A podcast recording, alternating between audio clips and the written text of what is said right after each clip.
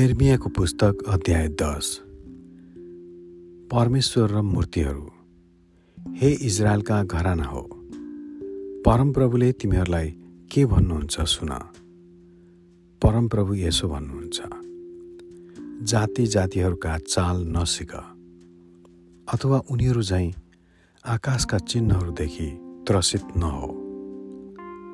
किनकि जाति जातिहरूका स्थिति त व्यर्थ हुन्।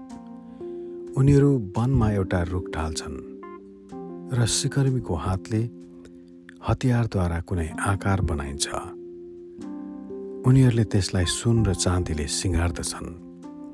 त्यो नहलियोस् भनेर उनीहरूले त्यसलाई घन र किल्लाले ठोक्छन्। खरबुजा बारीमा राखेका तर्साउने पुत्ला जस्तै उनीहरूका मूर्तिहरू बोल्न सक्दैनन्। तिनीहरूलाई बोक्नुपर्छ। किनकि तिनीहरू हिँड्न सक्दैनन्। तिनीहरूदेखि नडराओ किनभने तिनीहरूले केही खराबी गर्न सक्दैनन् न त तिनीहरूले केही असल गर्न सक्छन्। हे परमप्रभु तपाईँ जस्तो कोही पनि छैन। तपाईँ महान हुनुहुन्छ। पराक्रममा तपाईँको नाउँ महान छ।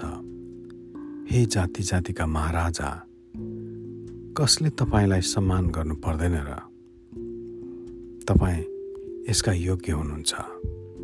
जाति जातिका बुद्धिमान मानिसहरूमध्ये र उनीहरूका जम्मै राज्यहरूमा तपाईँ जस्तै कोही पनि छैन।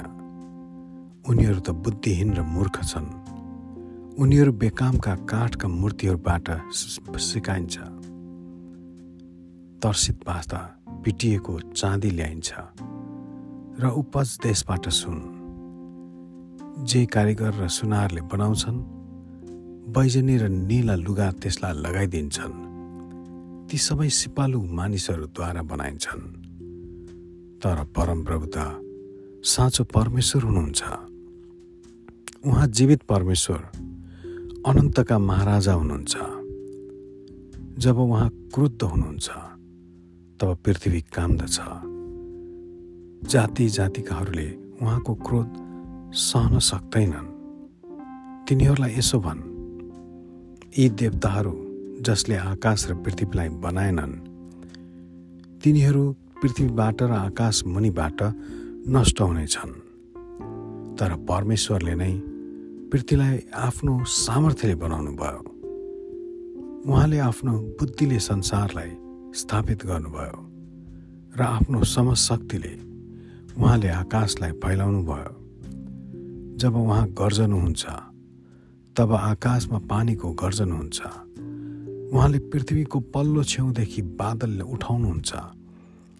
उहाँले वृष्टिसँग बिजुली चम्काउनुहुन्छ र आकाश भण्डारबाट बतास चलाउनुहुन्छ। हरेक मानिस मूर्ख र बुद्धिहीन छ। हरेक सुनार त्यसका मूर्तिहरूद्वारा नै लाजमा पर्छ। त्यसका मूर्तिहरू झुटा हुन्। तिनमा सास हुँदैन। ती व्यर्थका हुन्। गिल्लाको थोक मात्र। तिनीहरूका न्याय हुँदा ती नष्ट हुन्छन्। उहाँ जो याकुबका भाग हुनुहुन्छ यी जस्ता हुनुहुन्न। किनकि उहाँ नै सारा थोकहरूलाई बनाउने हुनुहुन्छ। इजरायललाई पनि। जो उहाँको निज उत्तराधिकारको कुल हो। सर्वशक्तिमान परमप्रभु उहाँको नाउँ हो। आउने सर्वनाश। हे घेराभित्र परेका हो।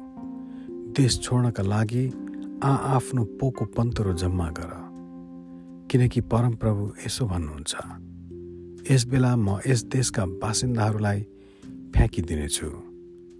तिनीहरू माथि सङ्कष्ट ल्याउनेछु ताकि तिनीहरू पक्राउ परुन्। मेरो चोटको कारण मलाई धिक्कार छ।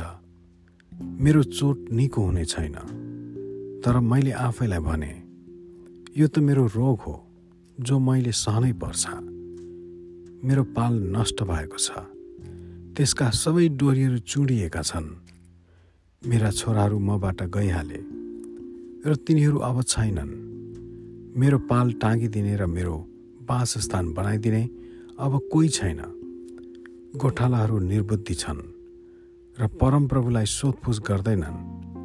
यसकारण तिनीहरू सफल हुँदैनन् र तिनीहरूका सबै बगाल तितर बितर भएका छन्। सुन एउटा खबर आइरहेछ। उत्तरको देशबाट एउटा ठुलो खैला बैला त्यसले यहुदाका सहरहरूलाई उजाड पार्छ र स्यालहरूको अखडा तुल्याउँछ। एर्मियाको प्रार्थना। हे परमप्रभु मलाई थाहा छ कि मानिसको जीवन उसको आफ्नै होइन। मानिसले आफ्नो मार्ग आफैले निर्देशन गर्नु हुँदैन। हे परमप्रभु मलाई सुधार्नुहोस् तर ठिक न्यायसित मात्र। तपाईँको रिसमा त होइन नत्र त तपाईँले मलाई भस्म पार्नुहुनेछ। तपाईँलाई स्वीकार नगर्ने जाति जातिहरूमाथि र उहाँको नाउँ नलिने मानिसहरूमाथि आफ्नो क्रोध खन्याउनुहोस् किनकि उनीहरूले याकुबलाई स्वाह पारेका छन्। उनीहरूले तिनलाई पूर्ण रूपले निलेका छन् र तिनको जन्मभूमिलाई उजाड पारिदिएका छन्। आमेन।